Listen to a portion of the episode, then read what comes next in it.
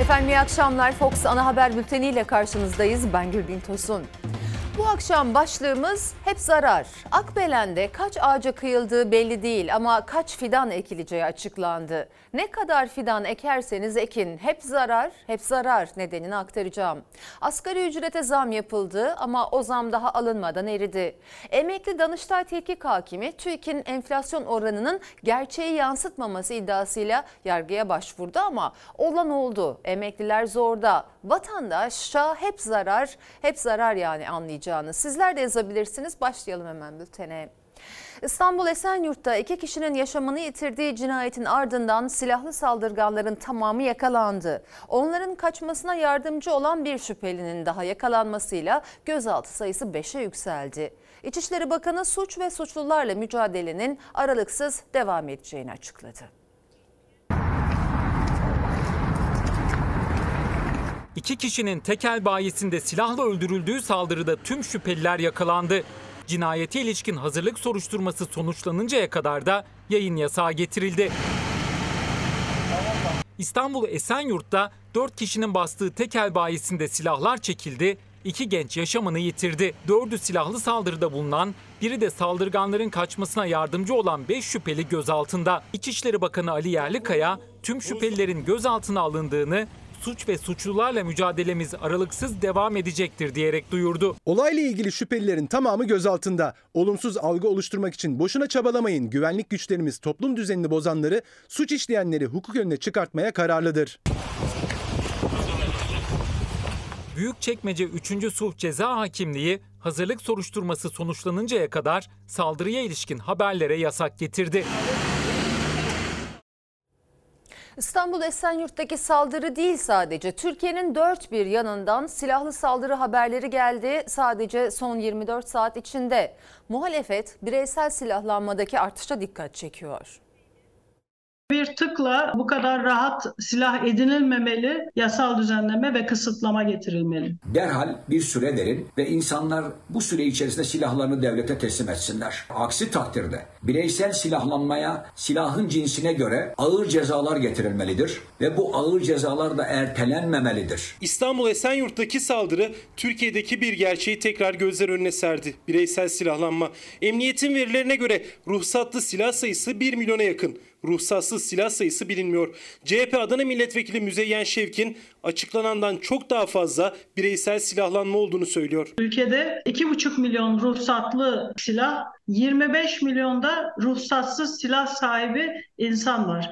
İstanbul Esenyurt'ta tekel bayinde iki kişinin öldürülmesi değil sadece. Türkiye'nin pek çok noktasında silahlı saldırıları konuşuyor Türkiye. İstanbul Bayrampaşa'da silahlı kavgayı ayırmaya çalışan bir polis vuruldu. Gazi Osman Paşa'da taksiye aldığı müşterilerinin husumetli olduğu kişiler tarafından açılan ateş sonucu taksi şoförü Samet Kubiloğlu hayatını kaybetti. Benim güzel gözüm bak burada yatıyor benim oğlum 31'ine daha yeni.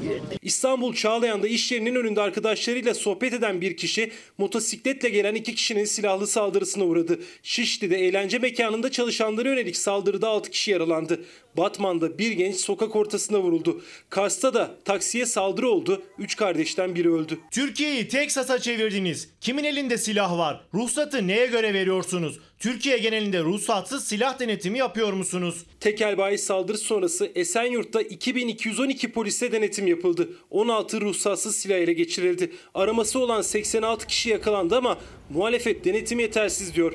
Türkiye'deki bireysel silahlanma tehlikesine dikkat çekiyor. Özellikle bu Suriye Savaşı sebebiyle oradan Türkiye'ye giren çok ciddi anlamda ruhsatsız silahlar var. Emniyetin 2022 verilerine göre 370.472 bulundurma, 627.765 de taşıma ruhsatına sahip kişi var. Toplam 998.237 silah kayıt altında. 2023 rakamı bilinmiyor.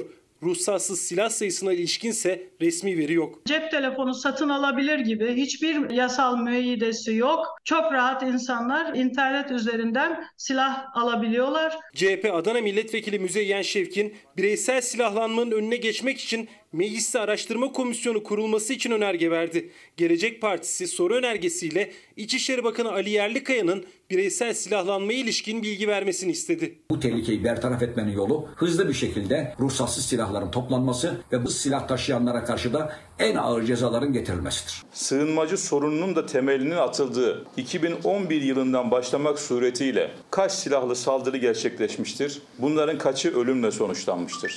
Ruhsatsız silahlarla mücadeleye yönelik nasıl bir çalışma yapılmaktadır? Bir yanda Türkiye'nin dört bir yanından gelen silahlı saldırı haberleri, diğer tarafta muhalefetin iktidarı soruları.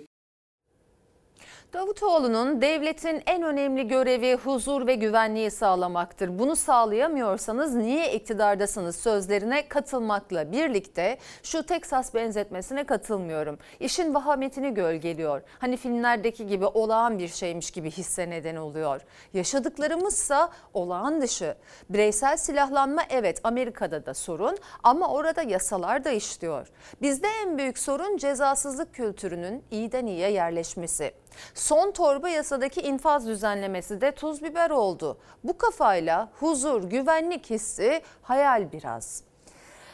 Efendim 14 Mayıs ve 28 Mayıs seçimlerinde istediği sonucu alamayan Millet İttifakı yerel seçimlere nasıl girecek? Partilerden gelen açıklamalar ittifakta yerel seçim sancısının işaretini şimdiden veriyor.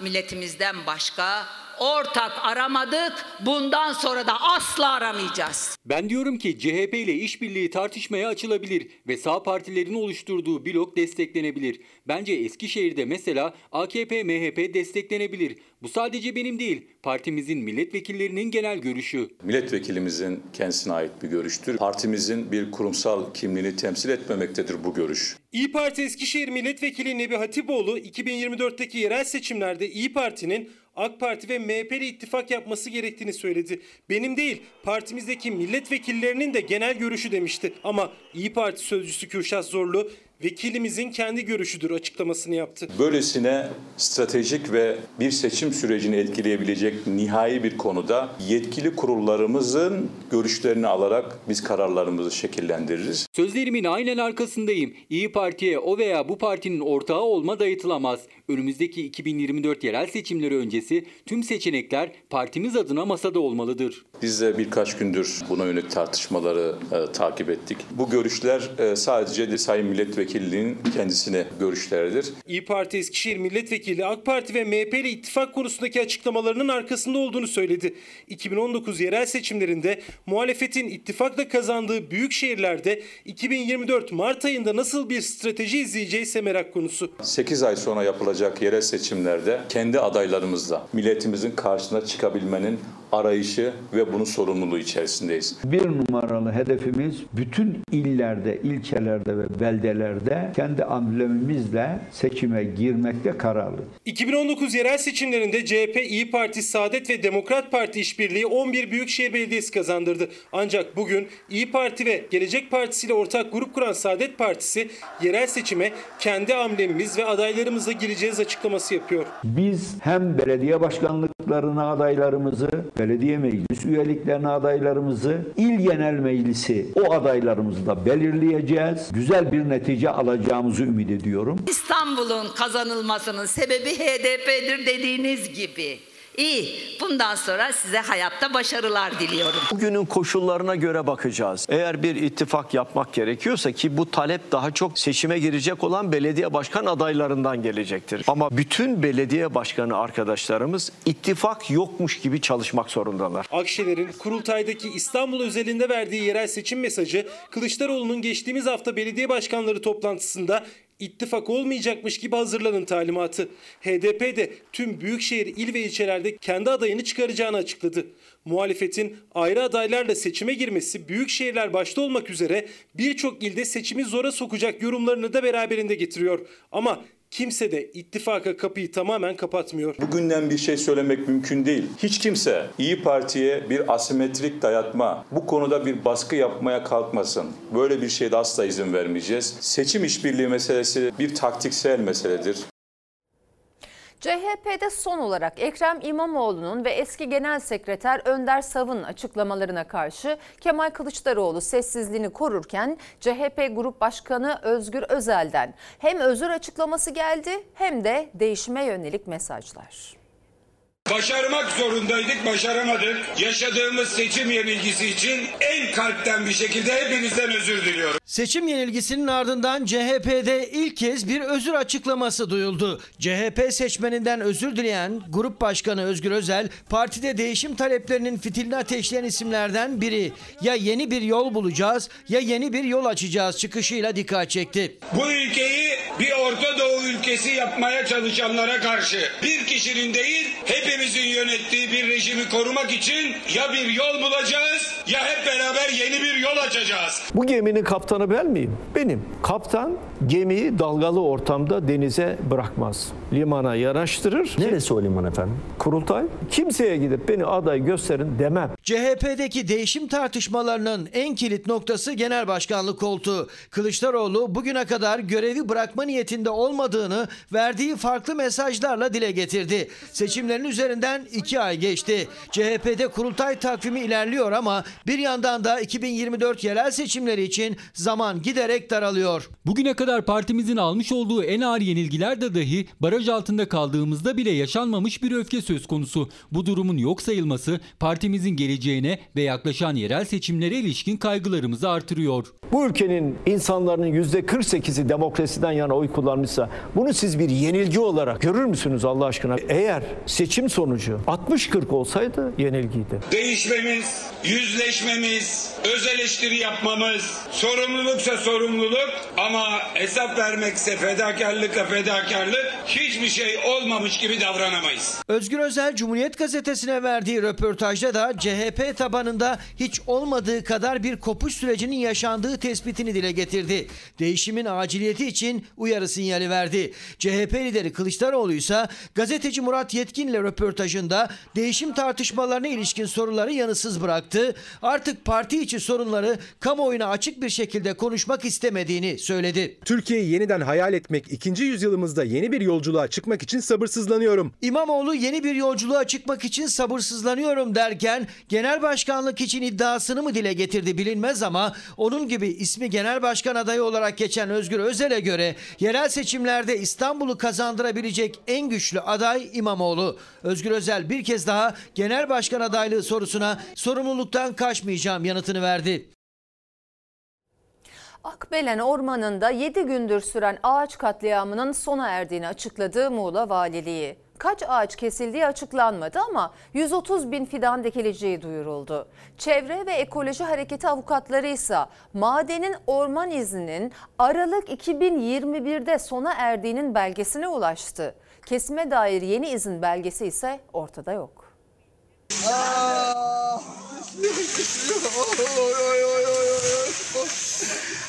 kesiliyor be. Orman kesiliyor. Siz ne yapıyorsunuz burada be? Lan yurdunuz kesiliyor yurdunuz. 2021 Aralık ayında orman izninin bittiğini görüyoruz.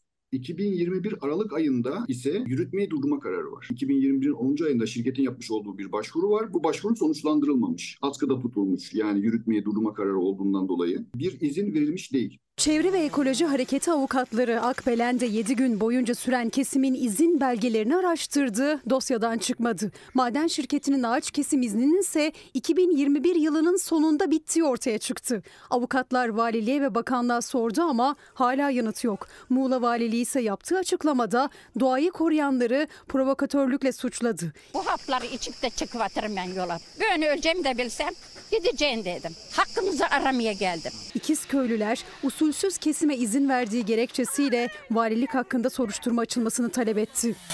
Sana cellatlık yaptırıyorlar. Valinin elinde nasıl bir evrak varsa lütfen e, açıklatın kamuoyuna. Yani hangi tarihte izin verilmiş, hangi tarihe kadar bu izin geçerliymiş biz de görelim ve bilelim. Orman Bakanlığı'nın da böyle bir evrağı yok. Buradaki yapılan kesimlerin e, usulsüz olduğu ve hukuka aykırı olduğu ortaya çıkmış oluyor. Kamu düzeni tesis etmekle yükümlü olan Muğla valisi kamu düzenini bozduğu için ve anayasanın 169. maddesine aykırı bir şekilde anayasal suç işlediği ve suç işlettiği için Yargıtay ilgili ceza dairesinde Muğla valisi hakkında dava açılmak üzere soruşturma başlatılmasını talep ettik. Geçen hafta pazartesi sabah saat 05.30'da jandarma ile birlikte maden şirketi ve orman bölge müdürlüğü ekipleri ağaç kesimi için Muğla Milas'taki Akbelen Ormanı'na girdi.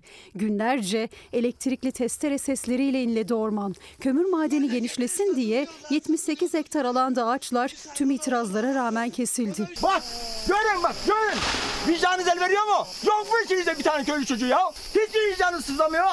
Gitti bak. Muğla Valiliği 7 gün süren kesimin sona erdiğini duyurdu. Yeni fidanlar dikileceğini açıkladı. Ancak kaç ağaç kesildi sorusunun yanıtı açıklamada yoktu. Maden çıkacak sahalar tıpkı diğer maden sahalarında olduğu gibi izin sahibi tarafından rehabilitasyon projesine uygun olarak rehabilite edilecek ve mevcut alanda benzer özelliklerde 130 bin fidan dikimi gerçekleştirilecektir. Böyle bir rehabilitasyon mümkün mü? Ben bugüne kadar hiçbir maden sahasında bir rehabilitasyon görmedim. Yıkan yıktığıyla bırakıp gidiyor. Bizim yerlerimizi affettiniz. Zannetmeyin ki 4 yıldır verdiğiniz direnişin bir sonucu olmadı. Zannetmeyin ki sesiniz duyulmuyor. Türkiye Barolar Birliği Başkanı Erinç Sağkan da hukuki mücadelede İkizköy'e destek olacaklarını açıkladı. Bitti denilen kesim alanındansa yeniden testere sesleri gelince bir kez daha tansiyon yükseldi. Jandarma budama diyerek tepkileri dindirmeye çalıştı. Kesim yok, budama var, ağaç kesimi yok. Neresinden tutsam ki 130 bin fidan dikilecekmiş. Ne kadar kesildi ondan da haber verseniz keşke değil mi? Kaldı ki yeni dikilen ağaçlarla oluşturulan fidanlarla oluşturulan orman kendiliğinden o 100 yıllık ağaçlarla oluşanı kadar değerli olmuyor. Menşei bile belli olmayan fidanlarla yeniden bir orman ekosistemi oluşmayabiliyor da. Sonra doğayı koruyanlar provokatörmüş. Her vatandaşın, her insanın görevi o. Hele iklim değişikliğine tüm dünyada savaş açılmışken.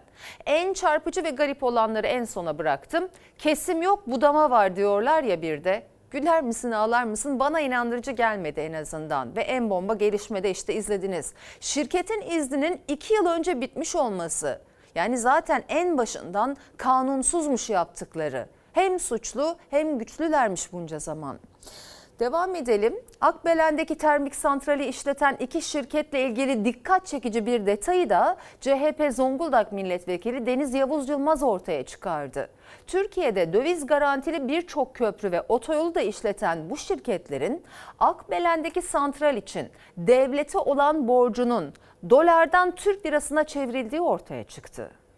2017 yılında santrallerin kalan borcu 1 milyar 68 milyon dolardı ve bu tarihte yapılan ek sözleşmeyle birlikte dolar borçlarının TL'ye çevrilme imkanı tanındı. Ağaç katliamı nedeniyle Türkiye'nin gündemindeki Akbelen'deki termik santralleri işleten iki şirketin o santrallerle ilgili özelleştirme borçlarının dolardan Türk lirasına çevrildiğini CHP'li Deniz Yavuz Yılmaz ortaya çıkardı. Kamunun 566 milyon dolar zarara uğratıldığını söyledi.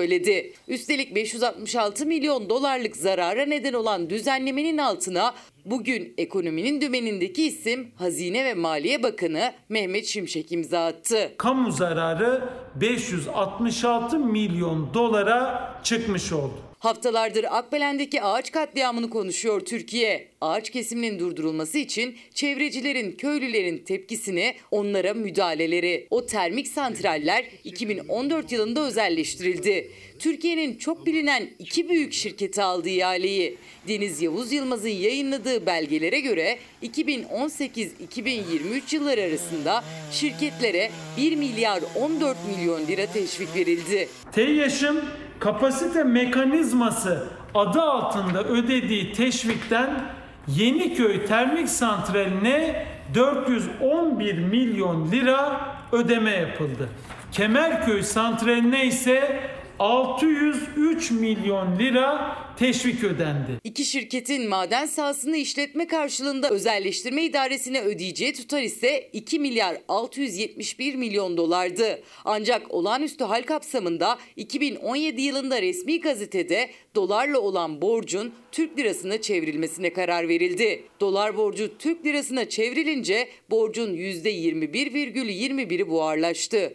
566 milyon 690 bin 160 dolar kamu zararı oluştu. AK Parti tarzı yap işlet devret modeliyle yapılan köprü, tünel ve otoyollarda devlet verdiği garantiler nedeniyle dolarla, euroyla bu şirketlere ödeme yaparken aynı şirketlerin devlete olan borçlarını TL'ye çeviriyor. Akbelen'deki termik santrali işleten dolar borcu Türk lirasına çevrilen iki şirket aynı zamanda döviz garantili otoyol köprüleri işleten firmalar. Devletten alacakları garanti ödemeleri Türk lirasına çevrilmeyen şirketlerin devlete olan borçlarının Türk lirasına çevrilmesine dikkat çekiyor CHP Zonguldak Milletvekili Deniz Yavuz Yılmaz. Akbelen ormanlarının gördüğü zararın yanında kamunun da bugünkü kurla 15 milyar lira zarara uğratıldığının altını çiziyor. Oluşan bu kamu zararları ise vatandaşın sırtına ek vergiler olarak yüklenmeye devam ediyor. Oh ne ala değil mi? Borcunu Türk lirasına çevirsinler öyle ödeme yap ama alacağını dolarla al. Böyle adaletsizlik olur mu? Böyle kayrılma görülmüş mü acaba şimdiye kadar? Sadece üzülmüyorum bu duruma ben, utanıyorum da. Bu kadar adaletsizliğe ses çıkaramayan, kabullenen bir toplum haline geldiğimiz için utanıyorum. Bir izleyicimiz demiş ki çok kazanan malum şirketlere ödeme kolaylığı getirilmesini asla kabul edemiyorum. Hep zarar demiş. İşte bir şekilde kabul ettiriyorlar. Bir izleyicimiz de maden şirketlerinin ve müteahhitlerin para kazanma amaçları hep zarar verme amaçlı diye işte Twitter'dan sesimizi çıkarabiliyoruz. Haberle devam edelim. TÜİK'in açıkladığı enflasyon oranının gerçek enflasyonu yansıtmadığı gerekçesiyle emekli Danıştay Tetkik Hakimi yargıya başvurmuştu. Önder Tekin'in ilk girişimi sonuçsuz kaldı ama konuyu yüksek mahkemeye taşınmaya hazırlanıyor. Tüm emekliler kaybın telafi edilmesini bekliyor. İnsanca yaşam istiyoruz. Bir emekli yargıç olarak yıllardır yoksulluk sınırının altında aylık alıyorum. Alım gücünün TÜİK eliyle düşürüldüğüne inanıyorum. Oranını kesin olarak söylemek zor ancak Türkiye'de enflasyon ölçümünün hatalı yapılmasından dolayı emek gelirlerinde önemli bir kayıp olduğunu söylemek mümkün. Kayıp hesaplansın ve telafi edilsin diye yargıya başvurdu. Emekli Danıştay Tetkik Hakimi TÜİK eliyle maaş zamlarının düşük hesaplandığını ileri sürdü, dava açtı. Önder Tekin Danıştay'ın usulden reddettiği davayı Anayasa Mahkemesi'ne taşımaya hazırlanırken düşük maaş zamlarına bir tepki de AK Parti'den geldi. AK Parti MKYK üyesi Metin Külünk Çalışma Bakanı yanıtlasın diye emeklilerin aklındaki soruları sıraladı. Özellikle kök maaş nedeniyle zam göremeyen emeklileri hatırlattı. Sayın Çalışma Bakanımıza doğal olarak emekli vatandaşlarımız bu soruları sormamızı istediler. Zam yaptık ama maaşınız artmadı cümlesinin Türkçe izahı nasıl yapılacaktır? Kiraların on binlerce lira olduğu bu zamanda emekli bu parayla nasıl geçinecektir? Kök aylığı denilen aslında emeklimizin hak ettiği yaşamını tatmin etmeye yönelik olarak o esas gelirinde hiçbir artış söz konusu olmadığı için ülkemizdeki emeklilerin yaklaşık yarısı bu alt sınırın altında yaşamaya mahkum edilmiştir. İyi Parti sözcüsü Kürşat Zorlu da emeklilerle buluştu. Benzer sesi o da yükseltti. Emeklilerden de TÜİK tepkisi geldi. Bugünkü kaybımız yüzde 148. Emekliyi enflasyona ezdirmeyeceğiz diyenler emekli her gün gelen zamlarla posası kalmadı, suyu kalmadı. Hala ezilmekte. Emeklilere göre kayıp en az yüzde 148. Emekli Danıştay Tetkik Hakimi de tüm zamların TÜİK'in enflasyon hesabıyla düşük tutulduğuna dikkat çekerek başvurmuştu yargıya. Çalışma ekonomisi profesörü Aziz Çelik'e göre kayıp TÜİK'in Mayıs 2022'de madde sepetindeki fiyatları gizlemesiyle derinleşti. TÜİK sadece bir istatistik açıklamaz. Aynı zamanda Türkiye'de emek gelirlerinin hangi düzeyde artacağının da kararını vermiş olur. TÜİK bu enflasyon oranlarıyla, açıkladığı enflasyon oranlarıyla çalışanları ve emeklileri yoksullaştırmış oluyor. Diskin kazandığı davaya rağmen TÜİK hala sepetteki fiyatları açıklamıyor. O yüzden karşılaştırmada yapılamıyor. Çalışanlar, emekliler açıklanan enflasyon oranınca zamma mahkum kalıyor. Gözler emekli hakim Önder Tekin'in Anayasa Mahkemesi'ne taşıyacağı davada. Hatalı enflasyon vatandaşın cebinden, çalışanın cebinden kaynak aktarılması e, ya da e, vatandaşın gelirinin e, bu yolla çalınması, gasp edilmesi anlamına geliyor. Davam da sonuna kadar haklıyım ve konuyu Anayasa Mahkemesi'ne götüreceğim. Asgari ücret henüz ilk aydan açlık sınırının altında kaldı. Türk İş'in açıkladığı Temmuz ayı açlık sınırı 11.658 lira. Yani asgari ücretli sadece gıda için bile ilk aydan 256 lira açık vermeye başladı. Geçen sene maaşım o zaman 5,5'tu. Döner ne kadardı? Döner o zaman 60 liraydı. Şu an yani düşünmek bile istemiyorum. Şu an krizi zaten. Açıkçası söyleyeyim cebime baksam bile boş yani. Zamla alabildiniz mi? Zam aldım. 11.400. 11.400. Kur'an çarpsın tavuk pilav yemekten sıkıldım. En son et döneri ne zaman yediniz? Et döner mi? Abi bir sene olacak. Samimiyetimle söylerim bir sene olacak. Maaşı arttıkça alım gücü yükseleceğine düşüyor asgari ücretlinin. Hesabın içinden çıkamıyor. Türk İş Temmuz ayı açlık sınırını 11.658 lira olarak açıkladı. İlk aydan zamlı asgari ücret açlık sınırının altında kaldı. Yani 4 kişinin sadece aylık gıda harcamasına bile yetmiyor asgari ücret. 256 lira açık veriyor. Market alışverişinin yanı sıra asgari ücretlinin eskiden kolay eriştiği çorba, döner gibi yiyeceklerdeki fiyat artışı da bunun kanıtı. Bizim için giderlerimiz hemen hemen iki katını geçti ama yani fiyat da iki katını geçti. Dört kişilik bir aile oturur zaman bin liradan aşağı kalkamaz. Bir porsiyon İskender ne kadar? 200. Et döner değil de tavuk döner yiyoruz abi. Niye? Niye? Çünkü asgari ücret zam geldiği sürece mallar da zam geliyor. Daha ucuz yemeklere bakıyorum. Fiyatları soracağım. Bir yılda ne kadar arttı? 100 gram döner geçen yıl 68 liraydı. Şu anda 160 lira. Pide döner de 38 liradan 90 liraya çıktı. Çorba eee, 15'ti.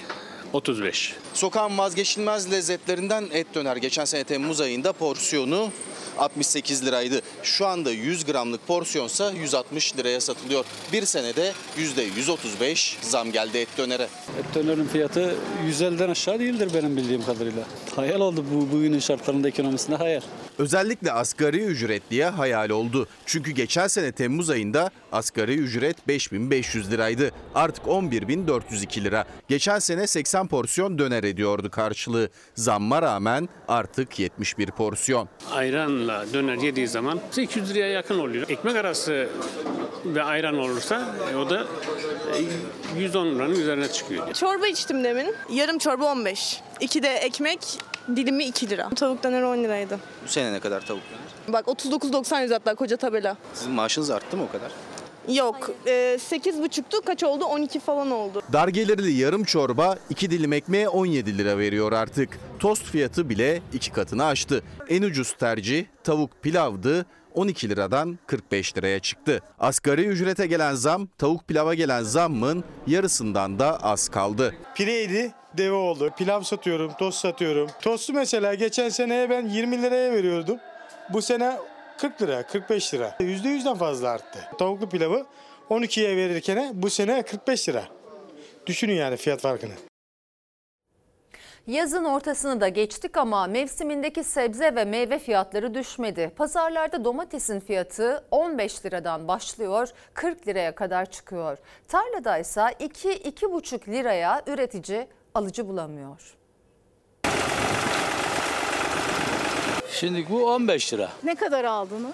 20 lira kilosu. Ne kadar aldınız? 30 liraya aldım. Pazarda domates 20 lira, 25 lira, 30 lira. Fakat biz 2 TL'ye 4 ay vadeli domates satıyoruz. 15, 20, 30, 40 diye yükselirken domates fiyatları 2-2,5 lirada tarlada kaldı. Çiftçi ucuza satıyoruz, kar edemiyoruz diye seslenirken tüketici mevsiminde bile pahalıya alıp yemek zorunda kalıyor. Zaten tarla tezgah arasında uçurum vardı. Üzerine akaryakıta gelen yüksek zamlar eklenince makas daha da açıldı. Benzine zam geldiği için bahaneleri de var. Yani e, olan bize oluyor hem de üreticiye oluyor. Mazot arttı, benzin arttı. 10 lira bu. Haftaya 20 liradan başlar. Bilmiyoruz ki. 20'ye aldım. Fazla bir rakam. Biz ucuzlasın diye bekliyoruz mevsimi. Daha da pahalanıyor. Tam da mevsimi ama yaz meyve ve sebzelerinin fiyatı pazarda hala ateş pahası. Fasulye ya 50 lira 60 lira 70 lira meyveler öyle yani domates bile 30 lira. Tarlada üreticiden 2,5 liraya çıkan domates pazara geliyor. Tezgahta en uygun ortalama 15 liradan yer buluyor kendine. Tüketici yazın zeytinyağlı bir fasulye yapmak istese maliyeti 70 liralara kadar çıkıyor. Fasulye aldınız 45, lira. Domates, içine 25-30 koyacaksınız. lira evet. Yani basit basit bir zeytinyağlı fasulye yapmak demek ki 70-75 yağını falan saymıyorum 100 lira yani bir kilodan zeytinyağlı fasulye yapmak yağ dahil 100 lira. Traktöre bile mazotu veresi aldım geldim yani. Zor durumdayız yani. 2-400'e domates veriyoruz yani. Ben de onu anlamıyorum zaten. 2,5 liraya üreticiden alıyorsun. Buraya gelene kadar 30 lira. E tamam bunun Nakliyecisi üstüne %100 koyuyor. E, öbürü %100 koyuyor. Yine ama bu fiyat o gelmemesi lazım bu ürünü. Demek ki %100 değil de %200, %300 koyuyor. Tabii denetleme olmayınca Tüketici de üretici de zararda. Seni düşünmüyorum yani çiftçilik yapmayı düşünmüyorum yani. Bu şartlarda kenara çekileceğim yani. Kazanmadığım işi niye yapayım ki? Mazota gelen yüksek zamlar nakliye maliyetlerinin artmasına, tarla tezgah arasında makasın açılmasında etkili. Ancak üretime yakın bölgelerde de fiyatlar düşmüyor. Balıkesir'den geldim. Rakamlar hep aynı. İstanbul'da da aynı, Balıkesir'de aynı. Aracılar olduğu müddetçe biz bunu hep pahalıya yeriz. Mazota zam geldiği müddetçe hep pahalıya yeriz. Vay fakirin haline. Cumhurbaşkanı Erdoğan'ın 2021 yılında bu zulmün önüne geçeceğiz demesine rağmen kira anlaşmazlıkları bitmek bilmiyor. Diyarbakır'da ev sahibi 2600 liradan 10 bin liraya çıkarmak istediği kirayı kiracı kabul etmedi, yasal sınırı hatırlattı. Ev sahibi ve yanındakiler kiracıya saldırdı. Necati dur. Hayır.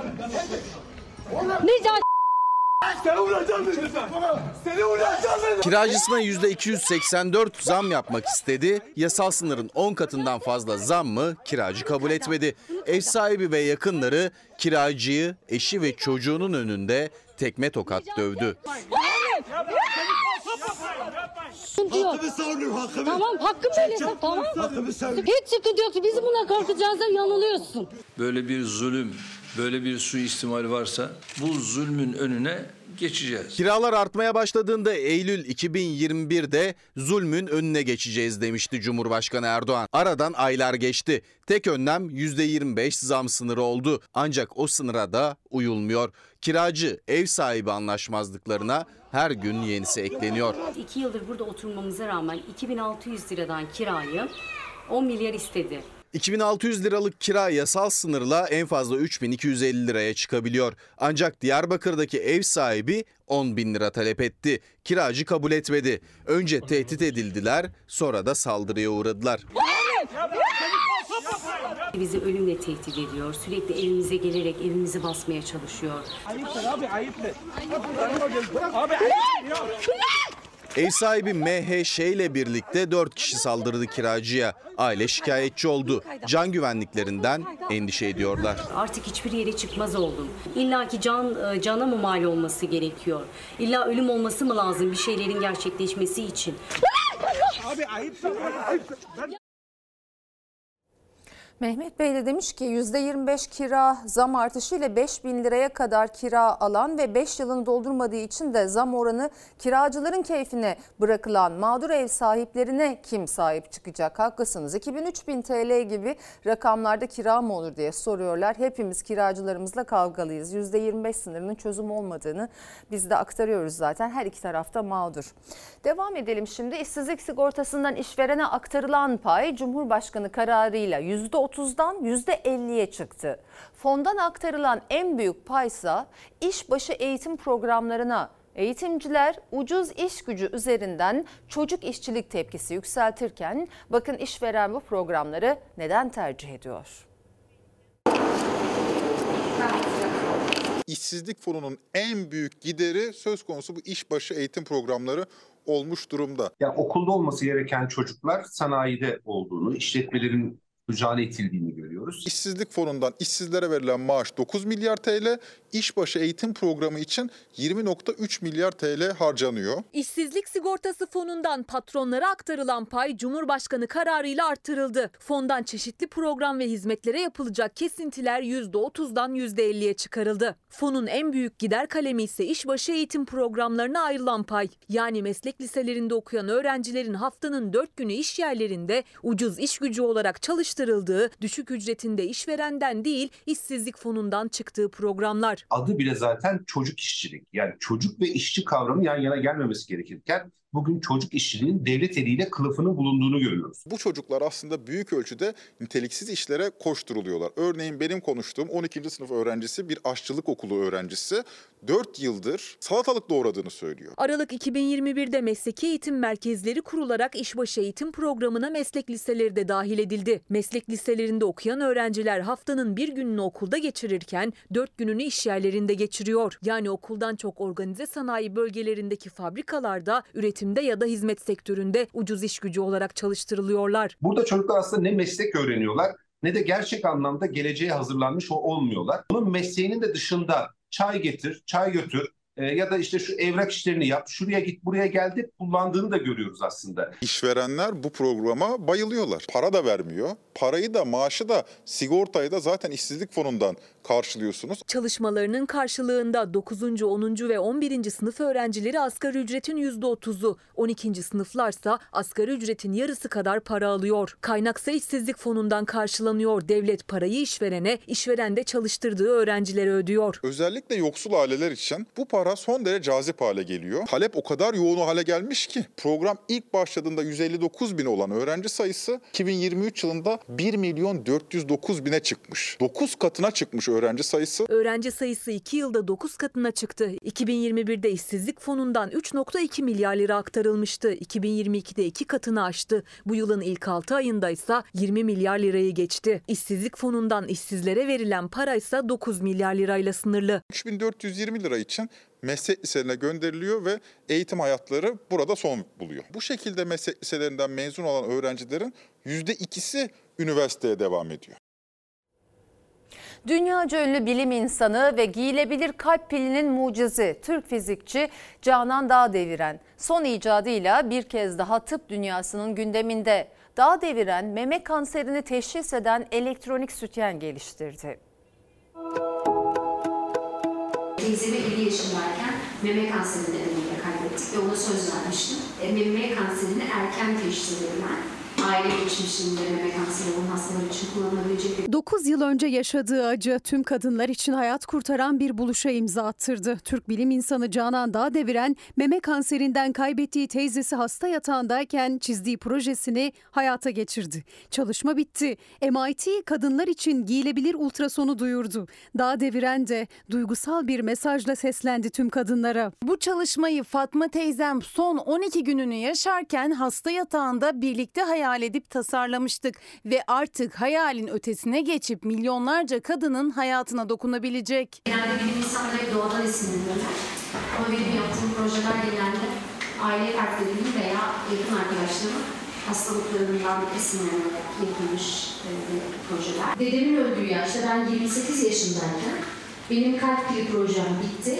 Dedesinin anısına geliştirdiği giyilebilir kalp piliyle, deri kanserini 10 saniyede teşhis eden dövmeyle Amerika'da başarıdan başarıya koşuyor Türk doktor Canan Dağdeviren. Ona çılgın Türk diyor tıp dünyası. Kanın kıvrımsız ağır elektronik aletleri isteyince kıvrımlı, hassas ve esnek hale getirip iç çamaşırınızın bir parçası haline getiriyoruz. Vücudunuzun bir parçası haline getiriyoruz. Canan Dağdeviren MIT laboratuvarlarında imkansız denilen projelere imza atmaya devam ediyor. Bu kez son buluşunu teyzesini de hayattan koparan meme kanserini yenmek için ortaya koydu. Doktora gitmeye gerek kalmadan günlük tarama yapabilen elektronik sütyen geliştirdi. Kanserli hücreleri tespit eden giyilebilir bir ultrason cihazı bu. Banyodan sonra kontrol etmek zorundasınız. Ama bunu çoğumuz unutuyoruz, çoğumuz yapmıyoruz. Bu aleti tüm kadınlara ithaf ediyorum. Yalnız değilsiniz. Sağlık taramalarını yaptıramayan, mamografi imkanı bulamayan tüm kadınlar için tasarlanan ultrason sütyeni ile Canan Dağdeviren bilim dünyasına adını hem bir mucit hem de başarılı bir kadın olarak bir kez daha yazdırdı. Cinsiyet eşitliğine inanıyorum fakat ben bilim yaptığımda tam bir kadın gibi yapıyorum. Kadın olmak demek pes etmeyecek kadar delikanlı olmak demektir. Hatırlatmamı istedikleriniz var. Hep zarar başlığına. İşçilerin promosyonu hala meclisten geçmedi. Siz de hatırlatırsanız bütün emekçiler adına sevinirim diyor bir izleyicimiz. Hatırlatmış olalım işçilerin promosyonunu. Bir de birinci derece 3600 ek gösterge. Seçim öncesi birinci derece memurlara verilen ek gösterge sözü devletin en üst makamı tarafından verildi. Sözün gereğini bekliyoruz diyorlar. Efendim en gurur verici haberlerle anılması gereken kadınlar. Ne yazık ki cinayetlerin önüne geçilemiyor kadın cinayetlerinin. Antalya'da sokak ortasında vurularak yaşamını yitiren 25 yaşındaki kadının acısı tazeyken Kayseri'den de bir şüpheli ölüm haberi geldi. Genç şarkıcı 7. kattan düşerek hayatını kaybetti. Kaza mı yoksa cinayet mi? Yanıt bulunabilmesi için inceleme başlatıldı.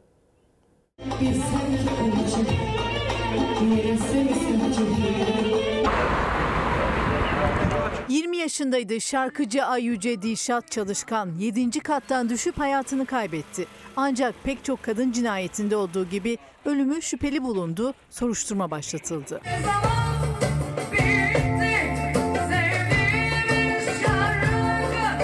şarkıcı Ayyüce Dilşat Çalışkan kısa süre önce İzmir'den Kayseri'ye taşındı. 7. kattaki evinin oturma odasının penceresinden düştü. Mazgalın kırılmasıyla bir iş yerinin deposunda bulundu cansız bedeni. Hemen polise haber verildi. Genç kadının bir başkası tarafından pencereden itilmiş olabileceği şüphesiyle inceleme başlatıldı. Bir acı haber de Antalya'dan geldi. 25 yaşındaki Merve Girişmek sokak ortasında öldürüldü. İki ay önce uçuş hostesliğine başlamıştı girişmek. Erkek arkadaşı Batuhan Canbak sokakta karşısına çıktı, tartışmaya başladılar. Batuhan Canbak silahını çıkarıp genç kadını başından vurdu. Filipinler'de en az 25 kişinin ölümüne neden olan Doksuri tayfunu Çin'i de etkisi altına aldı. Ülkenin doğu ve kuzeyinde etkili olan aşırı yağışlar sonucu araçlarıyla sele kapılan çok sayıda kişi zor anlar yaşadı. 化水不大了，咋办呀？好吓人。 Aracıyla sele kapıldı, kilometrelerce sürüklendi. Ölümden son anda kurtarıldı. Doksiri tayfunu Filipinler ve Tayvan'ın ardından Çin'e ulaştı. Ülkenin doğusunu vuran tayfun yönünü kuzeydeki şehirlere çevirdi.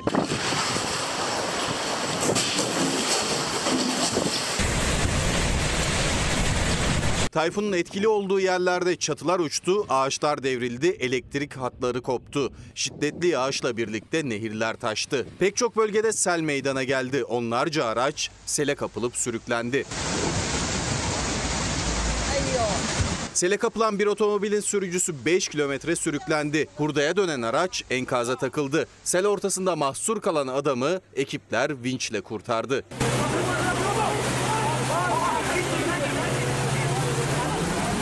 Selin vurduğu Jinan kentinde ise araçtan inen bir kişi suyun şiddetiyle yere düştü. Otomobilin altında sıkışan adam yoldan geçen otobüs şoförüne el sallayarak yardım istedi. Sürücü hemen yardıma koştu. Çevredekilerin de yardımıyla adamı sele kapılıp sürüklenmekten kurtardı.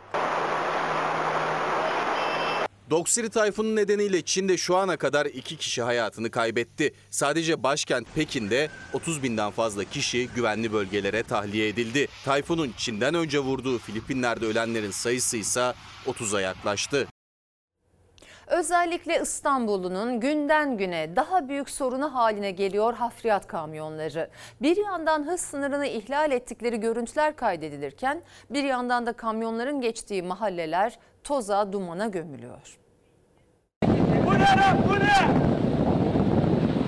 Yaklaşık bir aydır, bir buçuk aydır aynı burada az önce gördüğünüz şeyi yaşıyoruz. Ve günde 24 saat yaşıyoruz. Gecenin bir vakti kamyon damper sesine uyanıyoruz. Camı açamıyoruz. Açmazsak nefes alamıyoruz. Günün her saatinde gelip geçiyor, tozu dumana katıyor hafriyat kamyonları. Yetmiyor, bir de makas atıp yarış yapıyorlar. Hız göstergesi saatte 147 kilometreye kadar çıksa da görüntünün çekildiği araç hafriyat kamyonun hızına yetişemedi. İstanbul Ataşehir'de bu görüntüler kaydedilirken Başakşehir'de de hafriyat kamyonu protestosu vardı. En az belki de 100 defa belediye yazı yazdık biz. Dilekçe verdik.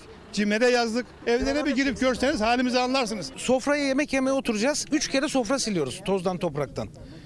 Yani artık bir buramıza geldi. Yolu kapatmak zorunda kaldık. Başakşehir ikinci kısımda hafriyat kamyonlarının biri gidiyor, biri geliyor. Mahalleli toz bulutundan nefes alamamaktan şikayet ediyor. Hafriyat kamyonlarına dur demek için o kamyonların kullandığı yolu kapattılar. Çocuklar hasta oluyor tozdan topraktan.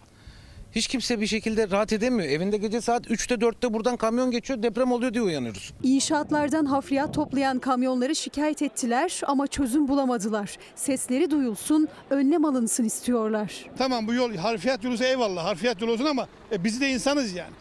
Bir tane kamyon koysunlar buraya. 24 saat buraya sulasınlar eyvallah. Amerika'da bir eğlence parkında oyuncaklardan biri bozulunca korkulu anlar yaşandı.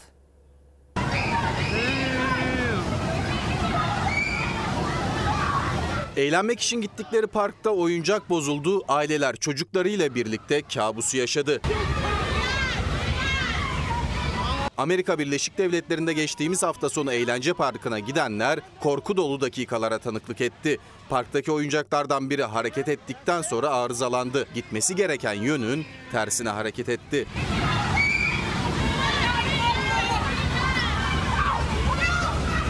Görevliler hızlı bir şekilde ters yönde dönen oyuncağı durdurmayı denedi ama olmadı. Çocuklar ve aileleri panik yaşarken çevredekiler onları sakinleştirmeye çalıştı.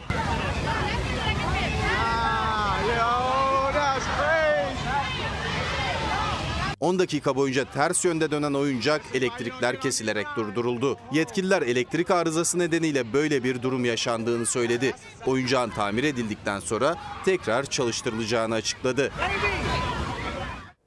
Öğrenciye ÖTV'siz bilgisayar ve cep telefonu sözünü de hatırlatıyoruz demiş izleyicimiz. Hatırlatarak araya gidelim.